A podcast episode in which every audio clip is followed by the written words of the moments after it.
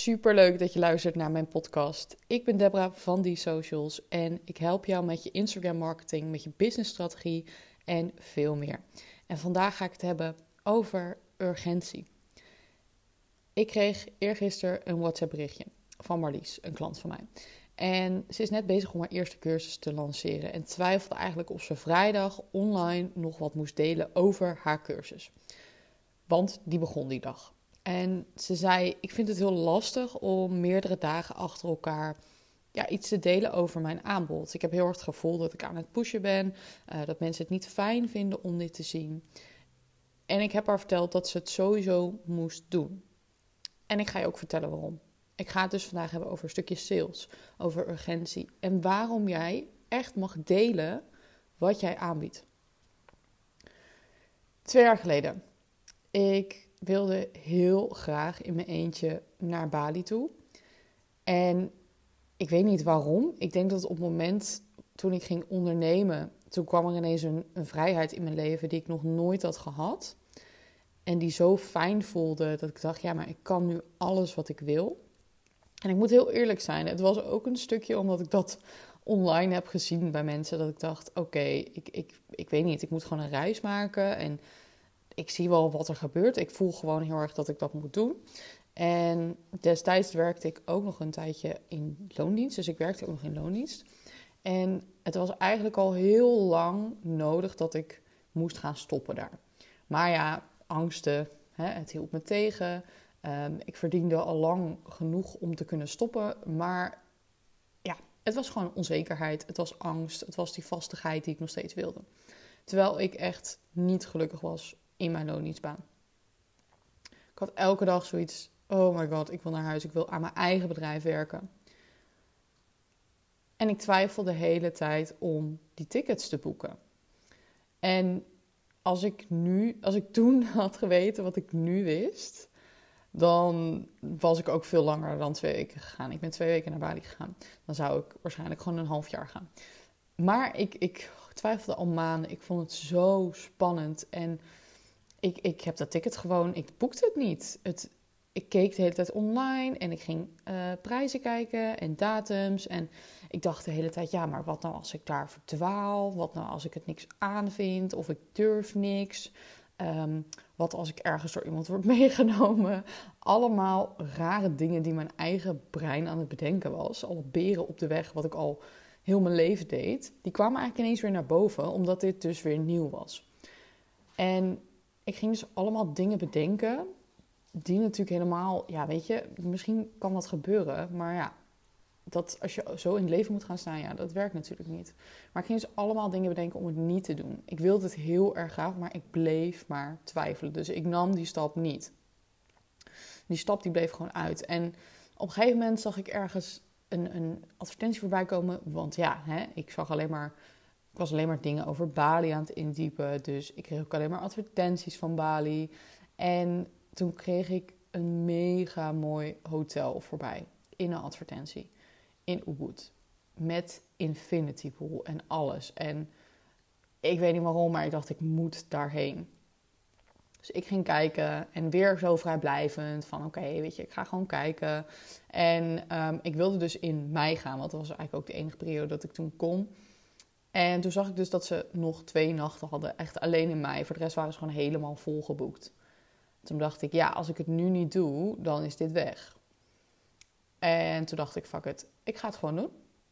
En ik boekte zonder na te denken dat hotel. En toen moest ik dus die vlucht boeken. En toen heb ik dus ook gewoon zonder nadenken, binnen 10 minuten, heb ik dat ticket geboekt. En dat was de beste beslissing ooit. Echt als je ooit de kans hebt om te gaan reizen in je eentje en je twijfelt, ga alsjeblieft. Ik kan echt niet wachten tot ik weer ga reizen. En het is zo'n mooie ervaring geweest. Ik heb er zoveel van geleerd. Ehm, ja, doe het alsjeblieft. Maar even terug naar die twijfels, want die hebben we allemaal. Soms willen we iets wel, maar blijven we, blijven we gewoon met twijfels zitten. En dat is ook heel normaal. En dat heeft alles te maken met je brein. Want we zoeken namelijk dingen om iets goed te keuren. Ik kan namelijk mezelf als voorbeeld nemen en misschien herken je het wel. Als je gaat winkelen uh, en je ziet iets wat afgeprijsd is. En eigenlijk had je het niet nodig. Maar het is afgeprijsd, dus dan koop je het. En dan zie je eigenlijk alleen het geld wat je hebt bespaard. En je ziet niet het geld wat je hebt uitgegeven. En jouw brein zoekt dus eigenlijk een soort goedkeuring van ik zoek een reden om dit te doen. En dat is heel normaal, dat, dat doen we allemaal. Maar nu kom ik heel even bij het advies wat ik dus aan mijn klant gaf. Want het, dat heeft ook met het brein te maken. Ik weet namelijk voor 99% zeker dat op het moment, op de laatste dag voordat iets online gaat, of voordat bijvoorbeeld de deuren dichtgaan van mijn cursus, dat 80% van de cursisten zich dan pas aanmeldt. Dat weet ik 99% zeker. Altijd. En zo heb ik dus ook mijn lanceringsplan opgesteld. En dat komt door urgentie. En het is eigenlijk een van de oudste ja, marketingtrucjes om het zomaar even, je kan me niet zien, maar tussen aanhalingstekens te zetten. En waarom werkt dit heel goed en waarom zou je dit kunnen toepassen of waarom zou je dit moeten toepassen? Weet je, we, stellen heel graag dingen uit. Ik had namelijk die, tickets naar Bali echt al veel eerder gezien. Ik heb echt al uren alles uit zitten zoeken en toch deed ik het niet. Ik drukte het elke keer weg. Ik was te druk en hè, ik had die angsten, ik zat maar met twijfels en ik had dat laatste setje nodig. Maar als dat aanbod niet voorbij was gekomen, dan had ik het misschien uiteindelijk nog wel gedaan. Maar dan was er heel veel tijd overheen gegaan of ik had het niet gedaan. Want op het moment dat dat aanbod toen kwam, toen werd ik gedwongen om na te denken over wat ik nu echt wilde. Wat ik nu echt wil. Wilde ik het echt heel graag? En stel dat je dus klanten hebt die twijfelen, twijfelen over, over de prijs. Want dat is natuurlijk iets wat heel vaak gebeurt. Hè? Van oké, ik weet niet of de investering, of ik dat heb. Of ik dat ervoor over heb. Op het moment dat er urgentie is, gaan mensen echt goed nadenken of dat echt waar is. We kunnen namelijk heel vaak denken dat we geen geld hebben, geen tijd hebben. Allemaal dat soort dingen. Maar is dat echt zo? Heb je echt geen tijd of is je prioriteit dat je geen tijd hebt? En ik was ook continu met andere dingen bezig. Um, ik had die, continu die angst. Dus ik moest op dat moment een keuze maken. En wat er dus gebeurde toen ik die keuze had gemaakt, toen voelde ik alleen maar blijdschap, opluchting, spanning. Ik had er zoveel zin in. En de eerste paar dagen op Bali waren niet een mega groot succes, kan ik je vertellen. Um, ik had een redelijke cultuurshock. Um, ik had een verkeerde keuze gemaakt, want hè, control freak die ik ben, had van tevoren al mijn hotels geboekt helemaal niet handig, want ik zat dus helemaal achteraf. En alle mensen die ik leerde kennen, die zaten natuurlijk in het centrum, in hostels. En ik zat in een hotel, wat helemaal niet handig was. Um, dus de eerste paar dagen vond ik helemaal niet leuk. En ik had ook een taxichauffeur die mij probeerde te zoenen. Dus ik wilde heel graag naar huis de eerste paar dagen. En uiteindelijk, door al die angsten die ik had, uiteindelijk ben ik daar overheen gekomen. En ook door de hulp van mensen die ik daar heb leren kennen. En daarna was ik zo blij dat ik deze keuze had gemaakt. En al die angsten die boeiden ook niet meer. En al die twijfels die ik had, die waren helemaal weg. En nog steeds kan ik zeggen dat dat een van de beste ervaringen in mijn leven is geweest. Dat ik zo graag weer terug wil. Dat ik helemaal verliefd ben geworden. Als ik mezelf dus had tegengehouden door die twijfels en ik had oneindig ook de mogelijkheid gehad om het ja, te boeken, dan had ik het waarschijnlijk niet gedaan. Dan had ik die ervaring niet gehad. En had ik altijd gedacht, wat als? En jouw klanten denken dus ook in twijfels. En als jij dus zegt, oké, er is maar een beperkt aanbod, er zit een tijdslimiet aan, het is voor een bepaalde tijd, je krijgt nu een extraatje als je koopt. Dat zijn geen marketingtrucjes, want als jij daarna een hele blije klant hebt, dan is het perfect. Want heel vaak nou, krijg jij, krijg ik berichtjes van... joh, ik ben zo blij dat ik het eindelijk gedaan heb. Dat had ik echt veel eerder moeten doen. En daar, daar moet je naartoe. Mensen hebben soms dat setje nodig. Mensen willen soms dat ze urgentie krijgen, omdat ze dan prioriteiten gaan stellen. alles maar oneindig blijven aanbieden zorgt ervoor dat er mensen echt wel tussendoor instromen, maar dat mensen het blijven uitstellen. Want zo zijn we. We zijn vaak uitstellers. We zijn met andere dingen bezig. Zeker als het een investering is voor jezelf, voor je bedrijf, dan blijf je dat soms maar uitstellen omdat je honderdduizend andere dingen aan je hoofd hebt. Dus even terug naar mijn klant. Want ze voelde dus eigenlijk een beetje een soort schaamte om te verkopen. En ik denk dat je dat misschien ook wel herkent. Uh, ik heb dat ook gehad en nu vind ik verkopen heel erg leuk. Ten eerste, je bent het echt waard om jouw aanbod te laten zien. Je bent geen. Ja, je, je bent niet een uh, goodwill, hè? Je, je bent een bedrijf. Dus je moet je aanbod laten zien.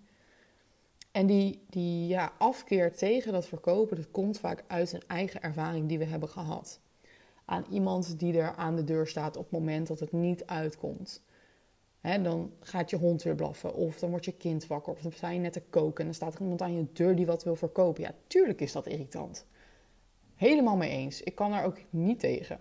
Maar dat komt omdat het dus ten eerste in je eigen omgeving is, dus mensen komen in jouw space. Ten tweede, je kan niet kiezen op dat moment wat je wilt doen. Je moet naar die deur gaan. Ja, je kan, nou trouwens, soms verstop ik me gewoon.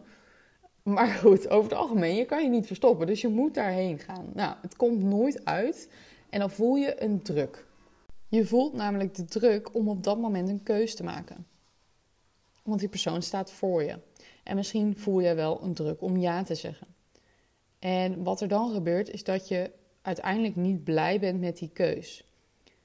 En dan heb je dus iemand die niet blij is. En jij bent bang dat jij iemand dat ook opdringt online. Je bent bang om iemand op te dringen om een keus te maken, waardoor ze uiteindelijk geen blije klant zijn.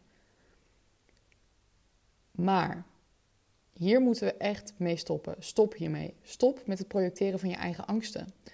Want online heeft iedereen een keus. Iedereen heeft eigen verantwoordelijkheid om weg te klikken, om je te ontvolgen. En als jij dus nooit je aanbod doet, dan zullen mensen het ook niet kopen. Want soms vinden we het heel fijn om uiteindelijk een aanbod te zien wat bij ons past. Een aanbod waarvan we denken: hé, hey, dat moet ik nu hebben. Yes, dat komt juist op het goede moment. Nou, dit heb ik echt al altijd willen hebben. Hier zoek ik al heel mijn leven naar. Dus we moeten het ook zien. En het gaat er vooral om dat jij zelf niet awkward voelt om te verkopen, want dan voelt het ook zo voor jouw volger. En als je nu denkt, ja, maar hoe ga ik dan verkopen op Instagram? Hoe zorg ik ervoor dat ik ja, niet pusherig overkom? Praat alsof je tegen een vriendin praat. Praat niet alsof je dus nu iemand voor je hebt zitten en je denkt, oké, ik moet nu iets verkopen en dat vind ik heel eng. Nee, Jij bent je eigen cheerleader van jouw product en van je aanbod. Jij bent je grootste fan, toch? En als het niet zo is, dan moet je daar wat aan doen.